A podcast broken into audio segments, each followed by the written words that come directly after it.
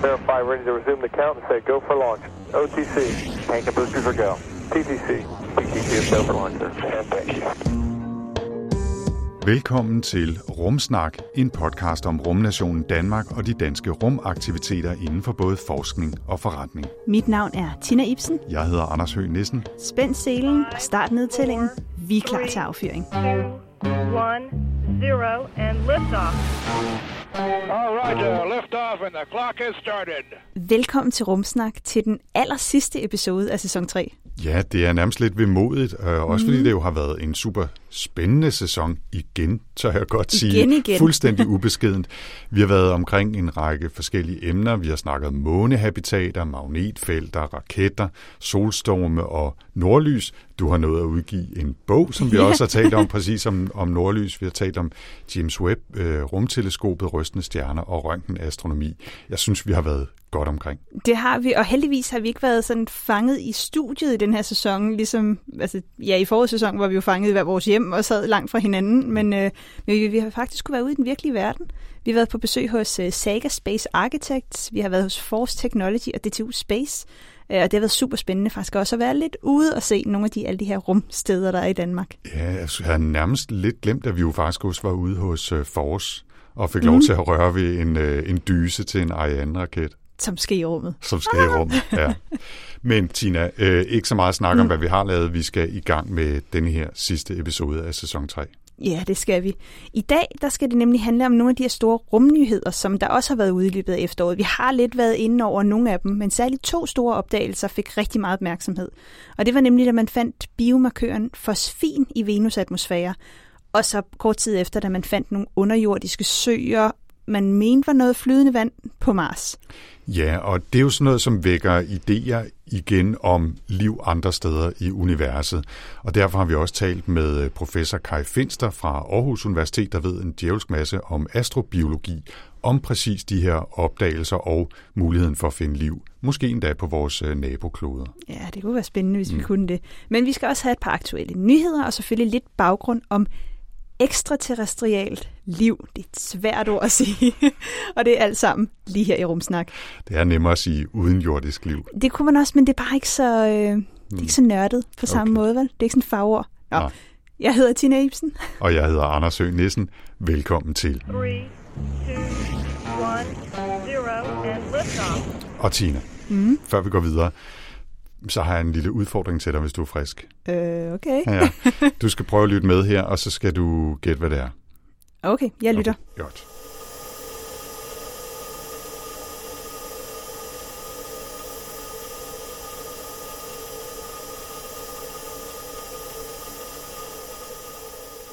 Ja, og sådan bliver det stort set ved, så nu fader jeg lidt ned. Kan du, øh, kan du gætte, hvad det er? Øh, altså umiddelbart vil jeg sige, det lyder lidt som noget støj, men nu er jeg jo sådan en, der faktisk følger med, Anders. Aha. Og jeg ved, at øh, der er kommet noget ud den her uge om, øh, om lyd fra, øh, fra Mars-roveren, der er på vej mod Mars. Det er det eneste, jeg ved om nye lyde fra rummet. Ja, det er også rigtigt. Det er lyden af en mikrofon på Perseverance, der jo er på vej gennem rummet på vej mod Mars, hvor de har øh, tændt for mikrofonen for at se, om den virkede.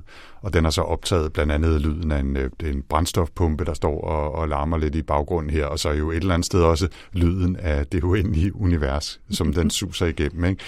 Det er ikke, fordi det er en smuk lyd eller en fantastisk lyd, men jeg synes, det er lidt sjovt, ikke? at øh, så tænder man en mikrofon, jeg ved ikke, hvor mange hundredtusind kilometer ude i rummet, og så, øh, så kan vi faktisk afspille lyden her. Ikke? Og når den endelig når til Mars, så bliver det første gang nogensinde, vi hører lyden af Mars. Øh, og det er jo fra februar, når, ja. når vi lander derop. Det bliver super spændende. Ja, det bliver rigtig, rigtig spændende. Det vender vi sikkert også tilbage til her i Rumsnak. Okay, it's a nice ride up to now. Vi skal have de sædvanlige korte nyheder, og øh, må jeg ubeskeden have lov til at lægge ud med en lidt trist en af slagsen? Ja, hvis vi, man siger altid sådan, at der er en god og en dårlig nyhed. Hvad for en vil du have først? Og, og den her gang, der starter vi altså med den dårlige nyhed. Øh, og den dårlige nyhed er, at det her meget, meget berømte og kendte Arecibo observatorium eller teleskop, det, øh, det skal lukkes. Det har jo været lidt ude af drift et stykke tid, fordi det øh, er i så dårlig stand, at det, øh, det ikke rigtig har kunne bruges. Og nu har man simpelthen lavet en vurdering, der siger, at det vil medføre livsfare for arbejderne, der skulle reparere det, hvis man skulle prøve at gøre noget ved det. Og det kan man selvfølgelig ikke kaste sig ud i, og derfor bliver man simpelthen nødt til nu at sige, nu lukker vi det fuldstændig ned. Oh. Og det er, det er jo lidt ærgerligt.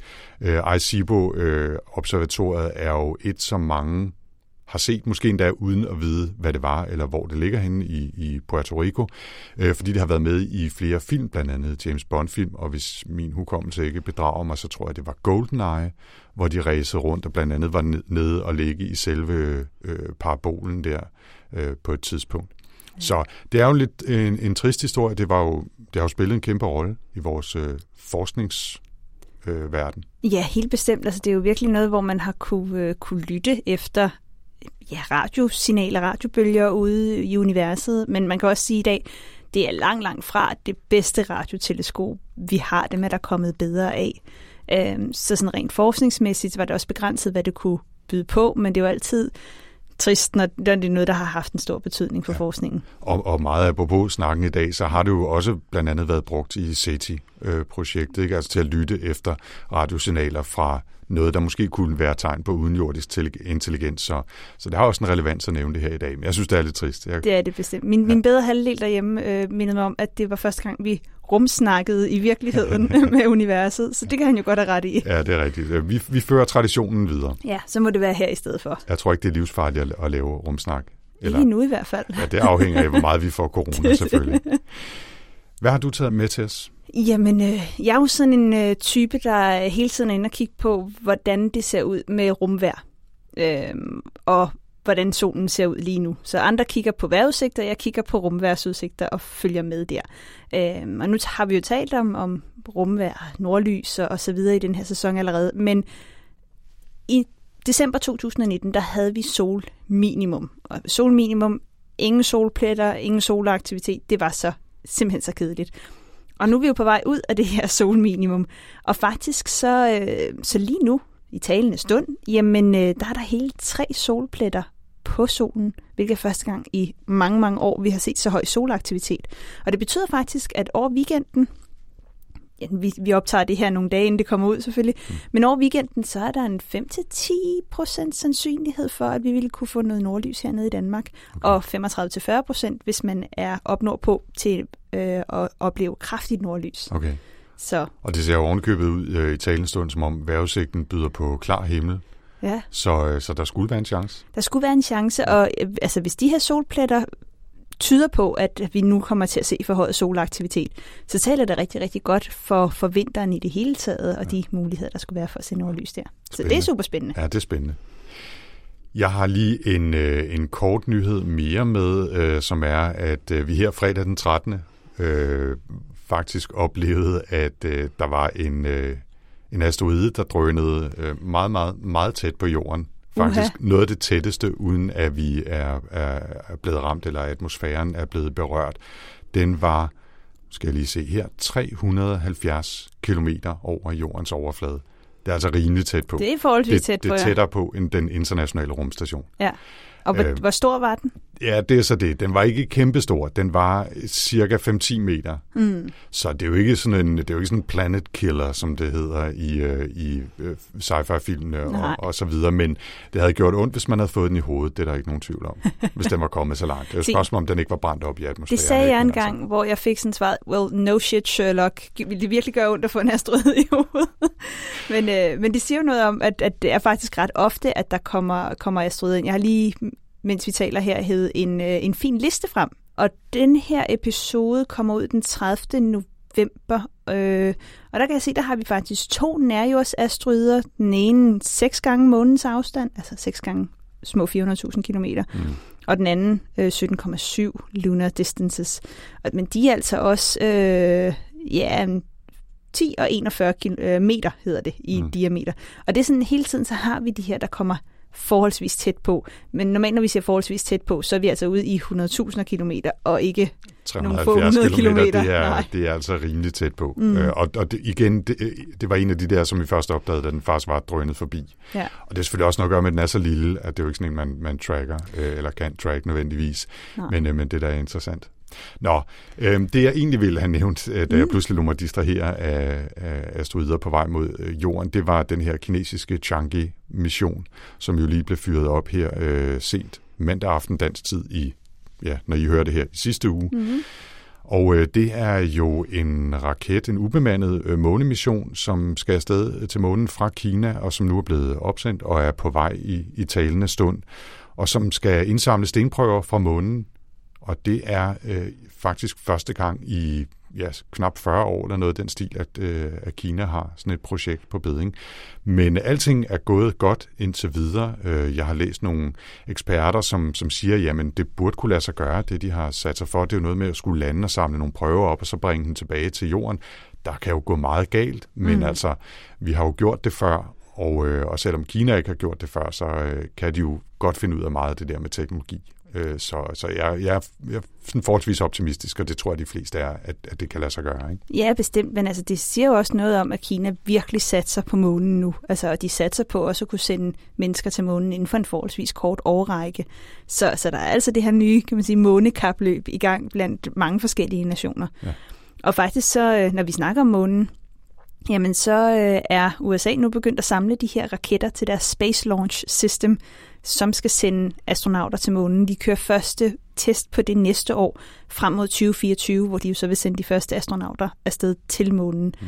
Så, øh, så det taler jo også for, at, øh, at NASA altså også er rigtig godt i gang, også med deres eget system, og ikke, nu har vi jo talt meget om SpaceX også her i, i Rumsnak, men, men de har jo også deres eget system med Space Launch System og den her Orion-kapsel, og nu går de altså i gang med at samle og teste Ja. hele det system.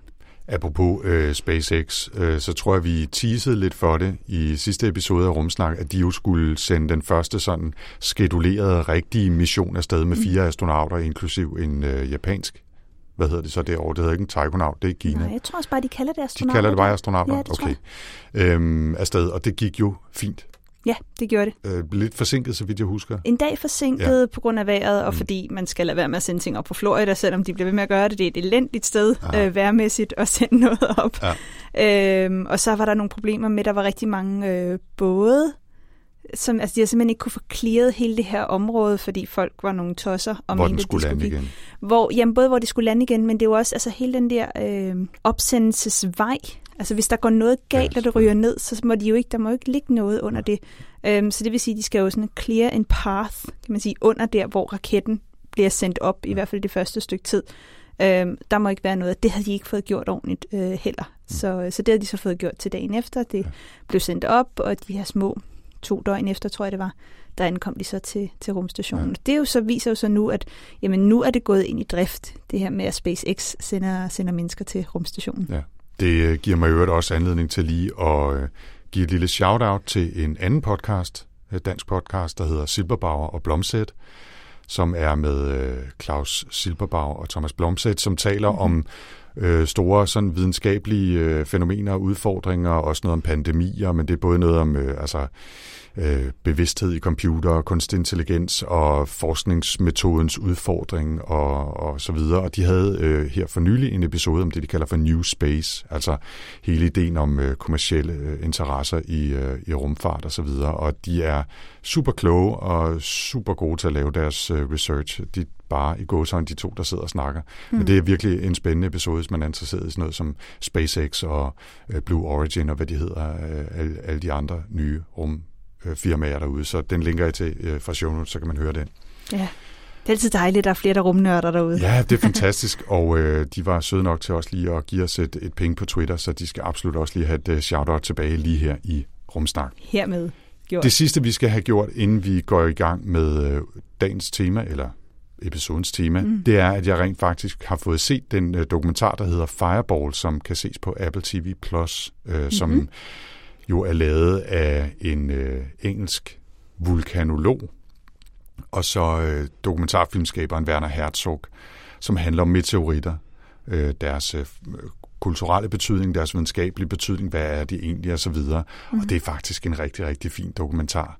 Øh, den er super, super flot lavet, der er fantastiske billeder. Øh, Werner Herzog, hvis man ikke kender ham, så er han virkelig en speciel type, og han taler med sådan en really uh, classic German uh, English accent.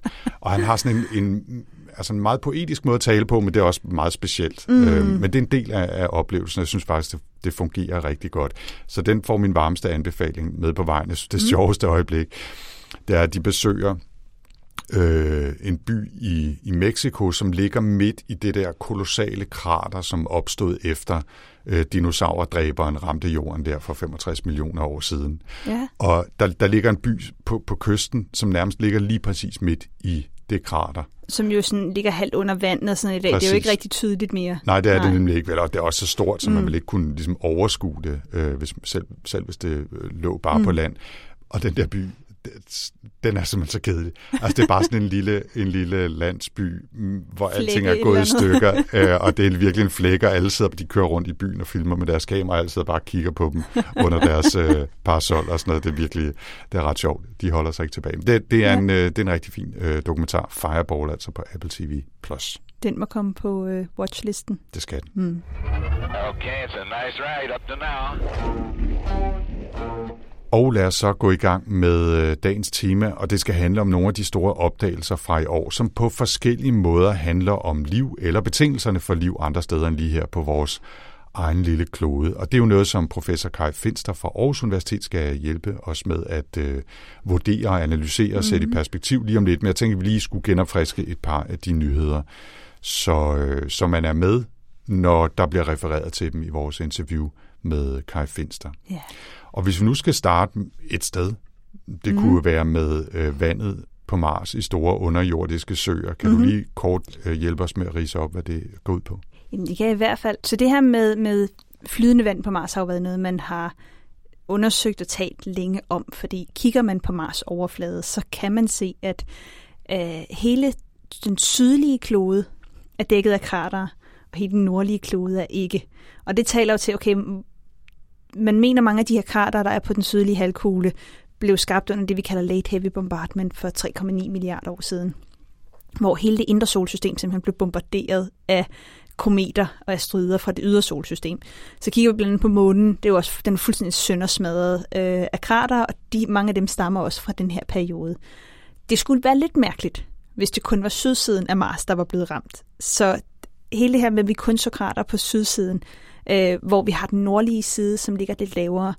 Det gjorde man begyndt at tænke på, jamen okay, kan der måske have været et stort hav af flydende vand på overfladen? Fordi det kunne jo have gjort, at så de her krater, jamen de var, eller de her øh, meteorer og så videre, det var ramt ned i vandet. Det havde jo så ikke skabt et krater. Mm. Så det var en måde, hvorpå man kunne kun have den her sydside øh, dækket af krater. Udover det, så har man fundet sådan nogle områder, der, der ligner deltager. Altså simpelthen områder, hvor floder flyder ud i ja, et deltaområde. Man har det her område, der hedder Valles Marineris, som er sådan en kløft, Grand Canyon-lignende område.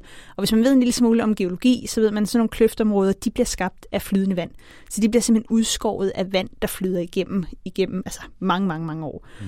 Øhm, og alt det her har jo så gjort, at man tænker, okay, jamen har der engang været flydende vand på Mars. Og de seneste mange Mars-missioner har bekræftet, at ja, det har der været for milliarder år siden. Og så er det jo så, okay, jamen Mars har mistet sit magnetfelt siden da. Det gør, at den har faktisk også mistet sin atmosfære. Da atmosfæren er blevet skrællet af, er trykket faldet på Mars. Og det betyder, at trykket er blevet så lavt, at vand ikke kan eksistere i flydende form på overfladen. Øhm, men der har engang været flydende vand. Og det store spørgsmål er jo så, jamen kunne der måske under overfladen på en eller anden måde eksisterer det her flydende vand stadig. Og det er jo noget af det, man virkelig, virkelig har undersøgt, øh, og er i gang med at undersøge nu for en masse af de her orbiters, altså de her kredsløbsmoduler, der kredser omkring Mars. Øh, det var noget af det, man gerne ville undersøge med Rosalind Franklin, eller ExoMars øh, roveren, som skulle have været afsted i sommer, den europæiske, men den er jo så blevet rykket to år til, til næste opsendelsesvindue, hvor man skulle have haft en stort bor med, der kunne bore ned øh, under overfladen. Fordi det, man har set, det er via radarobservationer, så man har haft en radar ombord på, på nogle af alle de her orbiters. Øhm, der har man kigget på overfladen, og så har man set, hvad er der kommet tilbage af signaler. Og noget af det, man så for to år siden, det var, at under Mars sydpol, som er dækket sådan en stor iskappe af vandis og CO2-is, altså tøris, der ser det ud til, at der er et højt tryk, og her under det her høje tryk, der ser det ud til, at der måske kunne være flydende vand. Mm. Og nu her i efteråret, der fandt man så et andet område øh, under Mars, altså jordoverflade, hvor det også ser ud til, at der kunne være sådan nogle, jeg tror det var tre kammer, man fandt, hvor det også ser ud til, at der kunne være flydende vand. Og det er jo netop her, hvor man siger, jamen under overfladen kunne man stadig have et tryk, som er højt nok til, at vand kunne eksistere i flydende form. Det er koldt her stadig. Altså det er under en iskappe, det er under en, en, en frossen overflade, men reelt er trykket til stede. Og så er det interessant, det er jo også, hvis det her, altså hvis der er, eksisterer vand i flydende form, kunne der så må også være liv. Fordi er liv noget, der opstår lige så snart de rette betingelser er til stede? Fordi så bør der jo så være liv alle steder, hvor vi nærmest finder vand. Eller er der sket et eller andet særligt her på jorden for de her 3,78 milliarder år siden, ja. hvor det første liv opstod. Ja. Så super spændende øh, med de her underjordiske søer på Mars. Lidt mindre relevant, men dog også noget med vand. Øh, har der været nogle historier om, at man har fundet øh, vand på, øh, på månens overflade? Øh, som, som er øh, tilgængeligt. Det er måske mindre relevant i en livssammenhæng og mere relevant i en sammenhæng for øh, liv, der tager dig op, altså astronauter eller taikonauter eller kosmonauter eller japanonauter, som jeg lige har døbt hvad, de hvad de hedder, øh, som, som vi kunne bruge det eller udvinde det på forskellige måder. Ikke? Men jeg synes dog lige, at, øh, at det skulle nævnes også, at der har været nogle interessante resultater der. Ikke? Jamen præcis, fordi indtil nu på månen har man jo set vandis, som det er i, i bunden af krater, hvor sollyset aldrig når ned. Men det er også et sted, hvor det er rigtig svært at komme til. Øhm, og nu fandt man så så ud til, at der var rigtig meget altså vandis i månestøvet, øh, og det vil gøre det meget nemmere at, ja. at udvinde. Det slår ja. mig lige, de skal selvfølgelig hedde niponauter og ikke japanonauter. Nipo? Nipo? Nippon. Mm. Ja. Nå, ja. lad, os, lad os det ligge. Øh, en af de øh, mest interessante historier handler om Venus, mm. øh, en anden stor øh, søsterplanet, kan vi godt kalde det? I... Man kalder den jordens tvillingeplanet. Sådan. Fordi man fandt et, øh, et særligt stof, fosfin, i Venus' atmosfære, som nogen i hvert fald indledningsvis så som et potentielt muligt, måske tegn på, at der kunne være liv i Venus' atmosfære. Det er jo især noget af det, vi skal snakke med Kai Finster om mm. lige om mm. lidt, men en, en hurtig opridsning måske, som man hører det to gange, det hjælper nok. Ja, mm. ja men altså fosfin er, at, at det i hvert fald nogen kalder for en biomarkør. Så for eksempel, hvis vi var aliens og kiggede ned på jordens atmosfære, så ville vi kunne se, at jorden har et, kan man sige, unaturligt højt niveau af ilt, for eksempel. Fordi vi har planter, der producerer ilt. Cirka 20 procent af vores atmosfære er O2, altså ilt. Mm. Øhm, og det kan kun øh, være til stede, hvis der bliver ved med at blive produceret ilt. Så der skal opretholdes det her, fordi ellers så er det noget med, altså øh, vores, vores have optager ilt, øh, sten, øh, klippe, materiale osv. optager også ilt, for eksempel jern gør, når det ruster. Så, så hvis man skal have 20 procent øh, ilt, ilt, ikke ild, mm-hmm. ilt i vores atmosfære, jamen så skal det hele tiden produceres. Det er det samme med CO2, det er det samme med metan og sådan noget. Så vi har de her øh, molekyler, som vi kalder for biomarkører. På samme måde så er der nogle typer af liv, som producerer det her fosfin. Øhm, og lige pt. er der ikke nogen beskrivelse af, hvordan fosfin ville kunne laves rent kemisk eller rent naturligt geologisk. Øhm, så man mener, med, med den mængde fosfin, som nogle forskere siger, de har fundet i Venus' atmosfære, jamen der skulle der være et eller andet, der fodrer atmosfæren med det her fosfin. Øhm, og det var jo så snak om, at jamen, det må være en eller anden form for måske levende organisme, der gør det. Problemet med Venus, det er, at øh, det være, at vi kalder den vores tvillingplanet, så er det i hvert fald den onde øh, sure tvilling, fordi Venus har en atmosfære, der er 100 gange tykkere end Jordens. Den ligger tættere på solen, der er varmere på Venus, og det betyder faktisk, at, øh, at, at drivhuseffekten på Venus er gået fuldstændig amok. Så den har den her meget, meget tykke atmosfære. Og den her tykke atmosfære har gjort, at Venus holder på al sin varme. Så alt det stråling, den får ind fra solen, den holder simpelthen fast på det. Øhm, og det gør, at øh, meget af overfladen er smeltet på Venus, eller fordampet på Venus, og den er fuldstændig dækket af sådan nogle tykke, gule skyer. Øhm, der er omkring 450 grader varmt på overfladen, og de her gule skyer, det er altså svovlsyreskyer, så det regner med syre på Venus ikke umiddelbart et sted, hvor vi tænker, at liv kan, kan eksistere og trives. Og, og de øh, sonder, man har sendt op, de har jo heller ikke holdt særlig længe. Jeg tror, den første holdt 8 minutter eller noget den ja, stil. Jeg det tror, noget, det de har sendt nogle... var det fire, tre eller fire, eller et eller andet, som var en, var en sovjetisk... Ja, øh... og den nåede at sende lidt hjem, og så døde den. Ja. Altså, det gik rimelig hurtigt. Jamen, det, det er sådan, at man, man sender ting ind, ind i et syrebad, ikke? Altså... Ja, et 450 grader varmt syrebad. og et enormt højt tryk. Ja, øh, så det, det er virkelig ikke et særligt øh, rart sted at være. Det lyder ikke som nogen særlig god spag, nej.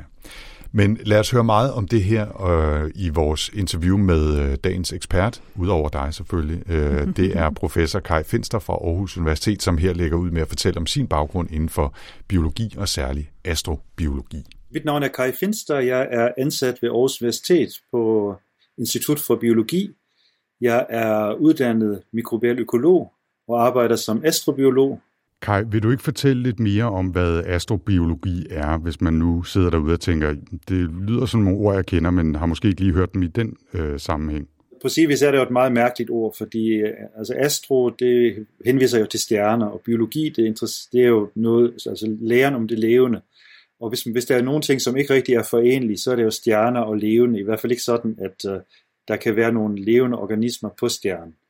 Men øh, det er nu engang sådan, man har valgt. Øh, det før i tiden hed det exobiologi, hvor det gik på at studere liv uden for jorden. Men det fandt man også ud af på et tidspunkt, at der nok ikke var så meget, man kunne kigge på, fordi man har jo ikke fundet liv andre steder end på jorden. Så astrobiologi bliver så valgt som en, en ny øh, beskrivelse af det forskningsfelt, som inkluderer jorden, selvom det jo egentlig henviser til en stjerne. Altså man skulle nok hellere kalde det for planetbiologi eller planet- og månebiologi, fordi der er jo nogle måne her i vores solsystem, som er sådan, at der sagtens kunne findes øh, i hvert fald mikroorganismerne på de her måne.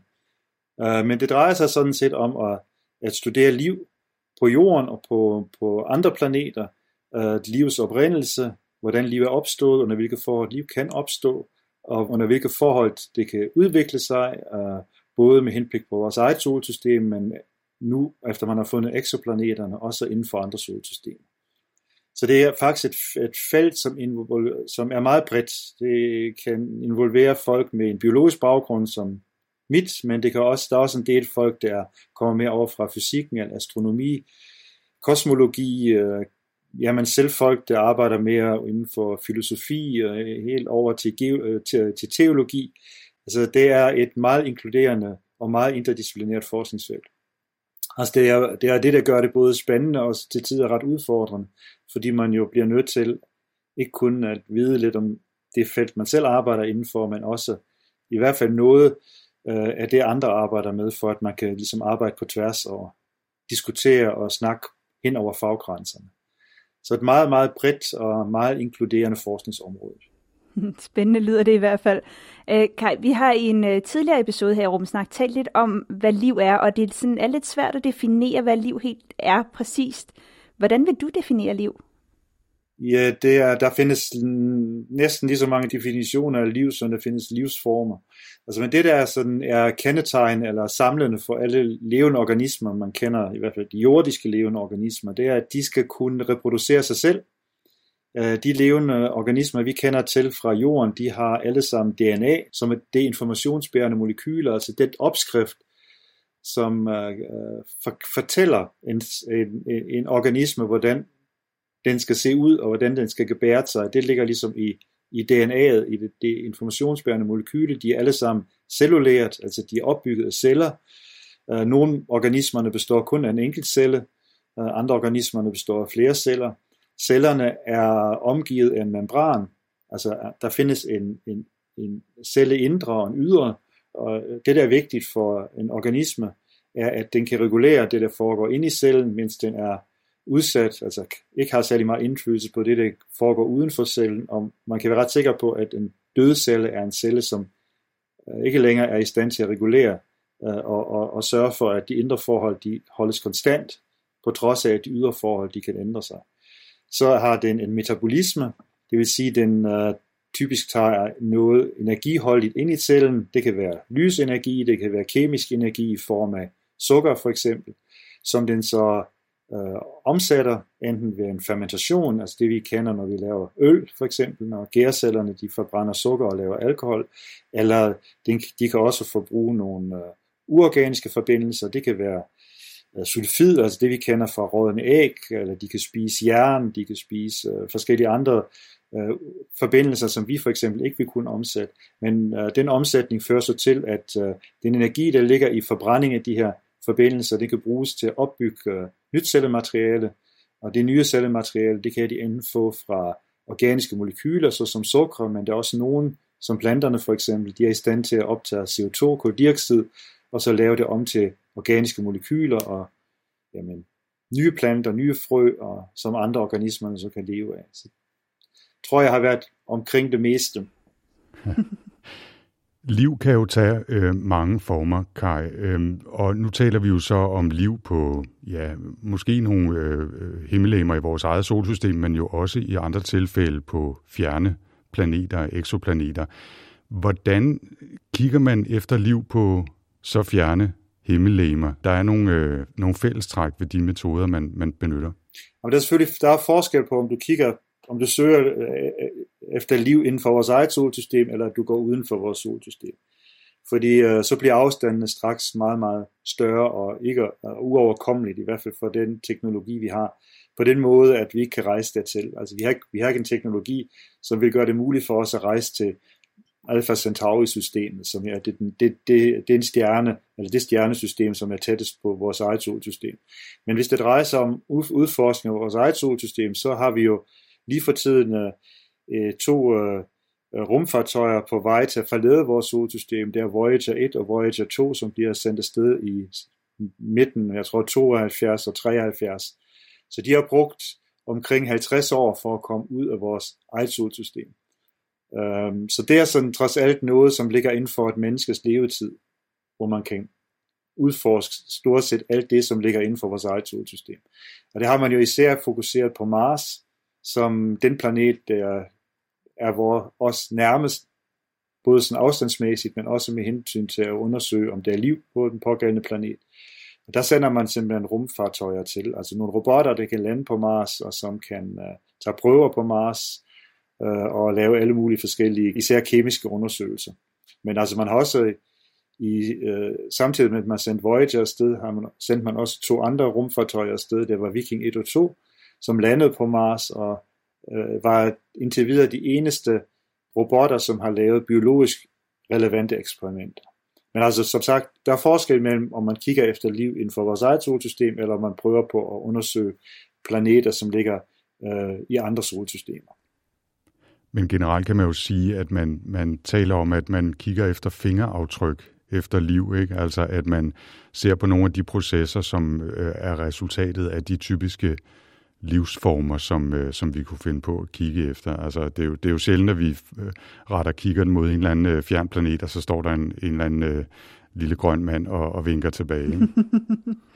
Men det, altså både over, altså med Mars for eksempel, der har man ikke kun kigget efter fingeraftryk, der kigger man faktisk også efter organismer. Mm-hmm. Altså fingeraftryk er jo sådan set, ligesom man kender det fra en kriminalhistorie, det er, det er det, der er tilbage, når øh, forbrydelsen er sket. Altså det er enten et DNA-aftryk eller et øh, aftryk fra en finger. Øh, mm. Og, og, og øh, den øh, forbryderen er simpelthen løbet sin vej. Øh, det er det ene, altså at den levende organisme, som har været til stede, den er ligesom ikke længere til stede, og det vi så finder, det kan være et, øh, nogle ændringer, den her organisme har påført sine omgivelser. Øh, eller der er for eksempel, der kan være nogle organiske molekyler tilbage, som øh, stammer fra den her organisme. Øh, det kunne være øh, pigmenter, som er tilbage, eller nogle forskellige produkter, den har dannet. Altså, der findes for eksempel bakterier, som kan øh, ånde med rust, og når de ånder med rust, så omdanner de rust til nogle magnetiske forbindelser. Og de magnetiske forbindelser, dem kunne man for eksempel finde, eller man, nogle, nogle mikroorganismer øh, mikroorganismerne danner også små, små magneter til at orientere sig i magnetfeltet, og dem kunne man også undersøge og finde. Øh, og grund til at jeg nævner dem, det, var, det er fordi man i en sten fra Mars, øh, som man har undersøgt for 25 år siden, som hedder Allen Hills meteorit, netop fandt nogle af de her små magneter, som man kender fra jordiske magnetotaktiske, hedder de bakterier.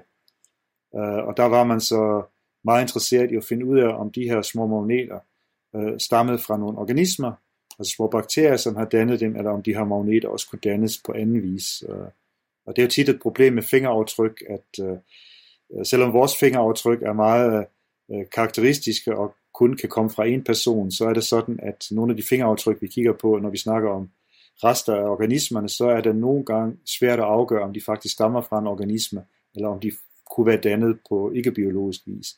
Og det viste sig, at de her magneter, som man fandt i den her sten, de faktisk øh, lige så godt kunne være dannet på ikke, altså øh, øh, på kemisk eller ja, kemisk vis. Og det er altid lidt et problem at være sikker i sin, sag, når man kun har et aftryk og ikke har hele organismen. Ja, og, og Mars har jo været inde, og netop liv på Mars og muligheder for liv på Mars er noget, man har haft talt om rigtig længe, og som du også selv sagde, Viking-rumsonderne, der blev sendt op i 70'erne, havde de her forsøg på at prøve at finde øh, rester spor efter liv. Men øh, her for et par måneder siden, der var det jo lige vores anden naboplanet Venus, der øh, kom lidt i radaren, efter man havde fundet øh, fosfin, sagde man, i, i atmosfæren.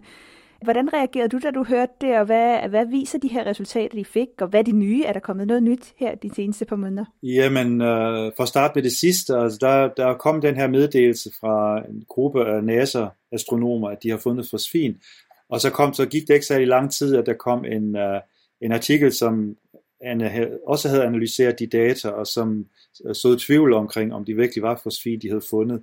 Og der mente de så, at det måske har været, Øh, altså at det lige lå omkring uh, detektionsgrænsen, og det var så lille et signal, at det godt kunne have været støj, i stedet for et fosfinsignal. Nu har de så re- responderet, de her NASA-forskere. Jeg har altså ikke læst den, den sidste artikel, men de øh, siger så, at de er ikke helt sikre i deres sag, men de mener alligevel, at det nok har været noget fosfin i atmosfæren. Uh, det, der gør fosfin interessant, det er, at man, uh, man kender fosfin fra jorden. Man ved ikke rigtigt, hvordan der dannes, men man har en idé om, at der er en biologisk proces, der ligger til grund for fosfindannelsen. Altså enten er det en biologisk proces, eller så kender man fosfinproduktion også som en, som en uh, industriel proces. Men man kender ikke til nogle kemiske processer, der fører til dannelsen af fosfin. Altså nu er jeg ingenlunde fosfindannelsesekspert, så jeg har også været nødt til at kigge lidt efter, hvad, hvad det egentlig er for nogle uh, bakterier eller for nogle processer, man mener øh, stå for, for dannelsen af fosfin. Og det man mener omkring jordisk fosfindannelse, mikrobiel jordisk fosfindannelse, er i sig selv ret kompliceret og involverer i hvert fald to grupper af mikroorganismer. Så man, man finder, kender fosfin fra nogle øh, sumpområder under nogle iltfrie forhold, det, der giver ophold til fosfin, det er øh, en øh, fosforforbindelse, som hedder fosfat. Der findes ikke nogen organismer, der kan ånde med fosfat. Altså der findes organismer, der kan ånde med jern eller svovl og forskellige andre ting, men fosfat er egentlig et, øh, et stof, som bruges øh, rigtig meget i, i øh, organismerne, blandt andet i, i det, der hedder ATP, og altså det, at, øh, når man ser på øh, DNA eller RNA, så indgår det fosfat i, i selve molekylet, så det er et øh, molekyl, som bruges øh, i biologiske sammenhæng, men det bliver ikke ændret. Ja, man kalder det reduceret. Altså det, bliver, det er ikke en del af en, uh, en, en metabolisme, som involverer en, uh, en, uh, en, ja, en ånding, hvor man ændrer øh, oxidationstilstanden af det her polygyl. Men det sker så alligevel uh, under nogle, i nogle sumpområder. Det dannes ikke i særlig store mængder, men man kan måle det i atmosfæren, og man kan uh, Altså man finder det rundt, man finder det i jordens atmosfære, og man mener, at kilden til det er sumpområderne. Og så har de så fundet det her fosfin i Venus-atmosfæren, og hvis man kender lidt til Venus, så ved man, at, uh, at overfladen den er enormt varmt. Altså den er omkring 400-500 grader.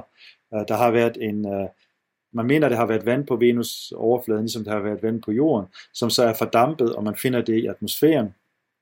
Som er, man kan ikke se Venus direkte, fordi den er omgivet af en sky, eller ja, en kæmpe sky, som, som, uh, som omgiver hele, hele planeten.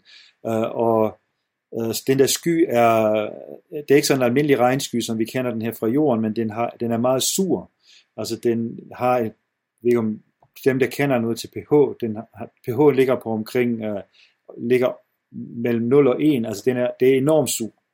Uh, og og det, er, det er så sur, at man ikke kender nogen uh, bakterier, det vil kunne leve under de forhold. Og det i sig selv øh, så jo tvivl om muligheden for levende organismer. Men altså, man ved også godt, at organismerne er meget dygtige til at tilpasse sig. Så ideen er så, og det er den idé, de har, frem, det er den idé, de har fremført, det er, at øh, det fosfin, som de har målt i bittesmå koncentrationer, altså meget mindre end det, man finder, kender fra jordens atmosfære, det kunne være dannet organismer. Når man læser den artikel, de har skrevet, så er de meget forsigtige. Altså de skriver ikke, at nu har vi fundet liv i Venus-atmosfæren, men de siger, at de laver sådan en form for argumentation, hvor de siger, at øh, fra jorden ved vi, at, at øh, vi har to, to øh, veje til fosfindannelsen. Den ene er en biologisk proces, som vi ikke kender præcis til, men vi ved, at det er en biologisk proces, og den anden er, vi kender nogle øh, industrielle processer til dannelsen af fosfin. Men da vi ved, at det ikke er en industriel proces på Venus, så lad os antage, at det er en biologisk proces. Det er sådan set på den måde, det bliver argumenteret på. Og så har man så, øh, så er altså et spørgsmål, hvad lever de her bakterier af i den her meget, meget sure suppe i, øh, i Venus-atmosfæren? Og det ved man selvfølgelig ikke. Altså, de kunne godt, øh, der kommer lidt lys til, altså det kunne i princippet være nogle bakterier, der laver fotosyntese, som vi kender det fra jordiske bakterier. Øh, men når man, når man bare kender en lille smule til biologi, og ved, hvor kompliceret og kompleks biologi er, så har jeg svært ved at tro, at der under de forhold lever mikroorganismer. Jeg tror nærmere på, at der er nogle kemiske processer, vi ikke kender til, og at under de særlige forhold, vi kender på Venus, kunne det godt være, at der kan dannes fosfin i Venus-atmosfæren på kemisk vis. Fordelen ved Venus er jo, at den er så tæt på, at man kan komme til Venus. Altså man kan, man kan, der har jo været, øh, man har jo sendt rumskibe til Venus, der er også nogle rumskibe, der har landet. Altså man har landet på Venus overfladen. De har så ikke overlevet særlig længe, men de har der været på overfladen, og man vil uden videre kunne sende nogle rumskibe til Venus, som vil kunne flyve og indsamle prøver fra Venus-atmosfæren. De kan bare blive ved og ved og indsamle, indtil de har indsamlet nok kubikmeter af Venus-atmosfære i den højde, hvor man mener, at de her bakterier kan findes, og så bare komme tilbage til jorden for at blive analyseret, eller at man analyserer dem, når de flyver omkring Venus, fordi man kan godt risikere, at de bakterier, man henter hjem til jorden, Altså der, det, har, det, det har jo, kan jo godt have nogle negative konsekvenser, så man skal i hvert fald være forsigtig, hvis man tager de her prøver hjem. Men øh, der er ikke noget i vejen for, at man, øh, at man sender et rumskib til Venus, som så tager prøver der og analyserer dem. Det, det lyder som om, at man skal tage rigtig, rigtig mange forbehold, før man øh, begynder at, at tale om, at der er liv i Venus' atmosfære. Men, men ligesom en opfølging på din, din analyse af observationerne og, og præcis de forbehold, man skal tage, vil det ændre noget på vores forståelse af, hvad, hvad liv er i universet, hvis det nu viste sig, at det var organismer, der eksisterede i Venus' øh, atmosfære? Jamen det vil da være, altså for en biolog vil det jo være super interessant, altså, fordi man, øh, for det første vil man kunne undersøge, hvor kommer de bakterier egentlig fra? Stammer de fra jorden? Det kunne godt være, ligesom der, vi har fundet Mars-meteoritter på, på, på jorden, så vil der jo Altså jorden bliver jo igennem tiderne ramt af store øh, asteroider, øh, og de kan jo sagtens have slået nogle stykker af jorden, af jordens skorpe, som så bliver slå, slynget ud i verdensrummet, og på vej mod solen kunne de jo godt være blevet indfanget af Venus, og på en eller anden måde opsamlet i Venus-atmosfæren, så de bakterier, vi finder deroppe, faktisk er jordiske bakterier. Det vil man kunne finde ud af ved at undersøge deres DNA og sammenligne øh, deres DNA med jordiske bakteriers DNA. Hvis den så er helt anderledes og ikke har nogen slægtskab med jordiske bakterier, øh, fordi vi ved, at alt liv på jorden ligesom har et fælles, øh, en fælles stamform, så ville det jo være et, øh, en fantastisk opdagelse, fordi så havde man faktisk to uafhængige opstående liv, øh, og så vil man kunne se, okay, hvordan udvikler det sig, hvad, hvad er øh, øh, hvilken slags informationsbærende molekyle har den her øh, organisme? Er det også DNA, som vi kender det fra jorden? Øh, hvordan er cellerne bygget op? Har de en membran, ligesom jordens har? Altså det er jo, øh, vil jo være øh, en fantastisk mulighed for at se, om der er nogle generelle træk, træk ved livet, og hvis, hvis man for eksempel finder, at det Venus liv øh, er ligesom jordisk liv, og har sin ur, sin øh, helt egen opståen og historie, så kunne det godt være, at det liv, vi har på jorden, er simpelthen sådan, som liv ser ud, også andre steder. Men der skal man selvfølgelig være meget varsom, fordi inden man fandt øh, de her eksoplaneter, så troede man også, at alle solsystemer, de lignede vores solsystem. Det fandt man så ud af, at det nok at det ikke er tilfældet, men der findes rigtig mange øh, måder at lave et solsystem på. På samme måde kunne man jo også finde ud af, at, øh, at der er rigtig mange måder at lave liv på, og det vil jo begge dele vil være fantastisk interessant. Altså man skal være varsom, man skal ikke bare tage dem hjem, man skal i hvert fald øh, sikre sig, at, øh, at de ikke slipper ud, før man har fundet ud af, om de gør skade eller ingen skade, når de kommer i vores øh, miljø. Det her med netop, at vi skal passe på, når, når de her mulige organismer, hvis de så findes eller ej, skulle slippes fri. Der tænker jeg, der har jo netop også været nyt fra ja, Mars, vores røde naboplanet den anden vej, at man har fundet de her øh, søer under overfladen på Mars. Øh, hvad betyder det om muligheden for liv på Mars? Og så tænker jeg også, jamen, hvis vi nu skal sende mennesker til Mars, hvad betyder det så egentlig for, hvis vi skulle møde de her organismer? Det ville være samme problemstilling, man ville stå i så som mennesker. Jamen jo, men så vil vi jo være den invasive art. Det er selvfølgelig rigtigt. der vender vi jo foretegn. Men uh, for at komme tilbage til de her søer, altså dem har man jo fundet, de ligger jo i flere, i hvert fald i en halvanden kilometers dybde. Øh, så det er ikke sådan, det er det er ikke så nemt at komme til det man har fundet, det er det man har fundet det, øh, ved hjælp af radar, det er, at man i den dybde kan se, at der er, der er noget, der er forskelligt fra omgivelserne. Og man har fortolket det således, at det må være noget, som kunne være vand. Altså et eller andet, der måske minder mest om uh, en meget, meget uh, saltholdig suppe, som kan holdes, altså temperaturen er stadigvæk meget koldt. Altså vi er ned i, ved minus 50 til minus 70 grader, så almindeligt vand vil fryse ved de temperaturer, selvom det er ret højt tryk dernede. Så, så det må være meget saltholdigt. Øh, og så er det selvfølgelig et spørgsmål om, hvad kan det leve i sådan en saltholdig suppe? Og der må man sige, altså vi kender jo fra jorden øh, bakterier, der lever i, øh, i en mættet køkkensaltopløsning. Så det kan godt lade sig gøre, men, øh, men spørgsmålet er selvfølgelig, hvad skal de leve af, når de lever dernede? Og vi ved ikke, hvad der er øh, om de der søer øh, er forbundet med undergrunden, om der, kommer no, om der kan komme noget, ligesom man kender det fra, øh, fra, fra havet, hvor man har de her, øh, som hedder black smokers, de her sorte ryger, som, som man finder i, i spredningszonerne øh, i Atlanterhavet, eller men også i, i, i Stillehavet, hvor, hvor, hvor var, meget, meget varmt vand, øh, jern og svovlholdigt vand kommer op fra undergrunden, hvor man har de her fantastiske økosystemer omkring øh, de her øh, skorstene. Altså det kan godt være, hvis, hvis, de, hvis, de, hvis de her øh, søer er forbundet øh, med undergrunden, og der kommer nogle øh, mineraler op, som bakterierne vil kunne leve af, så kunne det godt være, at man kunne finde liv i de her søer, ligesom man kan finde det i flere kilometers dybde øh, på havbunden omkring de her øh, skorstene. Øh, hvis der er nogle isolerede øh, søer, man finder jo også de der søer på Antarktis, øh, store søer faktisk, så, så vil det være afhængigt af, hvad der er, hvad der er blevet gemt i søerne af, øh, af næringsstoffer og, og andet godt, som de kan spise.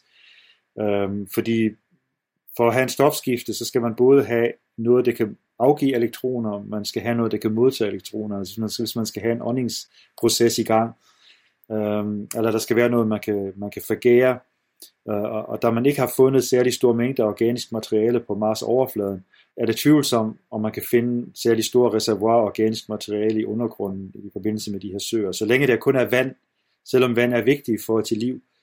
Vand er godt, at der er vand til stede, i hvert fald hvis der er en kemi, eller en biokemi, som vi kender den fra jordiske organismer, men vand alene er ikke nok til, at man kan have liv i de her søer. Øh, det er det ene, men det andet er, altså den store udfordring er jo, at man skal virkelig langt ned, øh, og vi har ikke noget teknologi på nuværende tidspunkt, som kan øh, bore huller på Mars, i flere kilometers dybde. Altså det er en udfordring på jorden.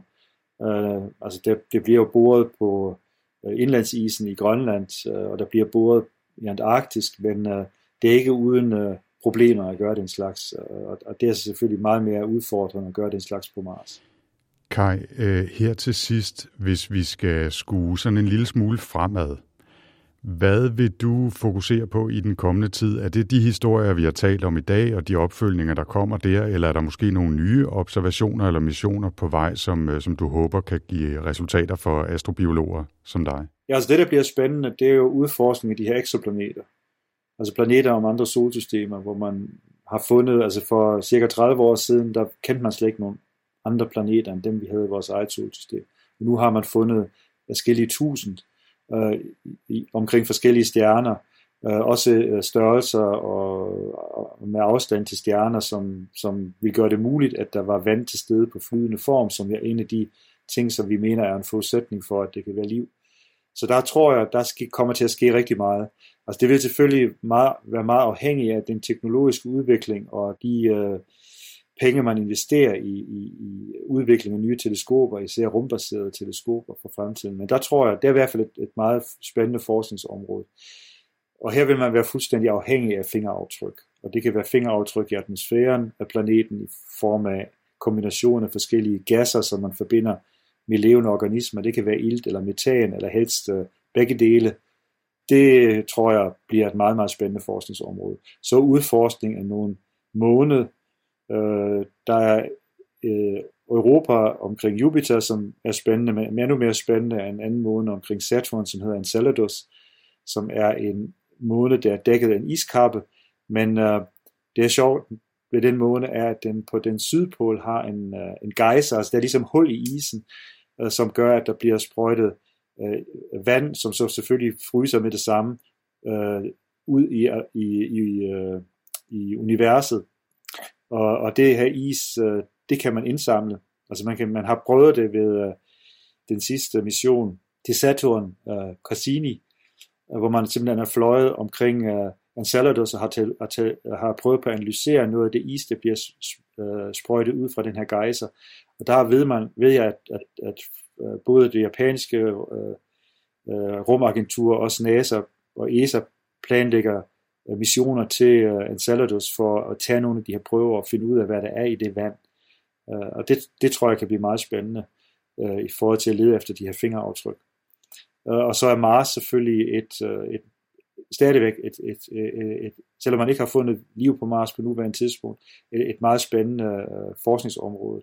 Og, og især med de nye missioner og den europæiske mission, som hedder Mars, ExoMars, som skulle have været afsted i år, men som først kommer afsted om to år, hvor man borer et par meter ned. Og det har jeg store forventninger til, fordi indtil videre så har man kun øh, skrabet, skrabet i overfladen, og den er jo meget påvirket af både øh, øh Altså den her sandplast, øh, og så er den udsat af stråling, både UV-stråling og kosmisk stråling. Så Øh, hvis man kommer længere ned, så er sandsynligheden eller muligheden for at finde enten aftryk af liv, men, eller måske ligefrem uh, cellerester, den vokser jo sådan set med dybden. Uh, så det tror jeg kan blive rigtig spændende at, at, at få de uh, data hjem. Og det, hvis det nu lykkes at få uh, denne sted om et par år, så vil, vi, så vil vi have nogle data om 3,5 år det tror jeg bliver meget interessant. Og det fortalte her altså professor Kai Finster fra Aarhus Universitet. Og som en ekstra lille bonus, så kan vi faktisk minde om episode 8, altså sidste episode af sæson 1, mm. så faktisk for et år tilbage. Der talte vi både med Hans Kelsen fra Aarhus Universitet og Johan Olsen øh, fra Københavns Universitet, som, øh, som også talte om eksoplaneter og, og hvad liv er, og hvad kan man sige, basis for liv øh, skulle være. Det kan man gå tilbage og lytte til, hvis man, øh, hvis man synes, det her har været spændende. Ja, og med det er Rumsnak landet for denne gang.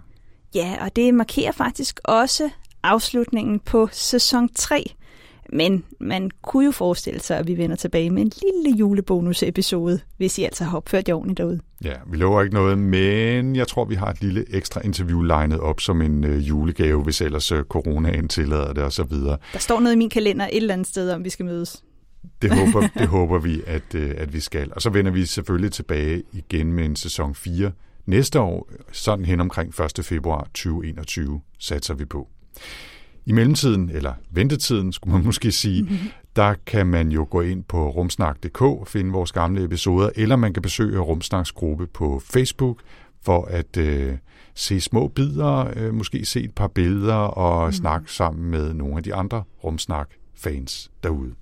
Ja, hvis man har spørgsmål eller kommentarer, så kan man jo også skrive til os øh, på vores Facebook-side, men man kan også finde os på Twitter med hashtagget rumsnak, og ellers så kan man skrive direkte til mig på at tina Ibsen. Og jeg hedder Anders, stadig 4ND3RS på Twitter.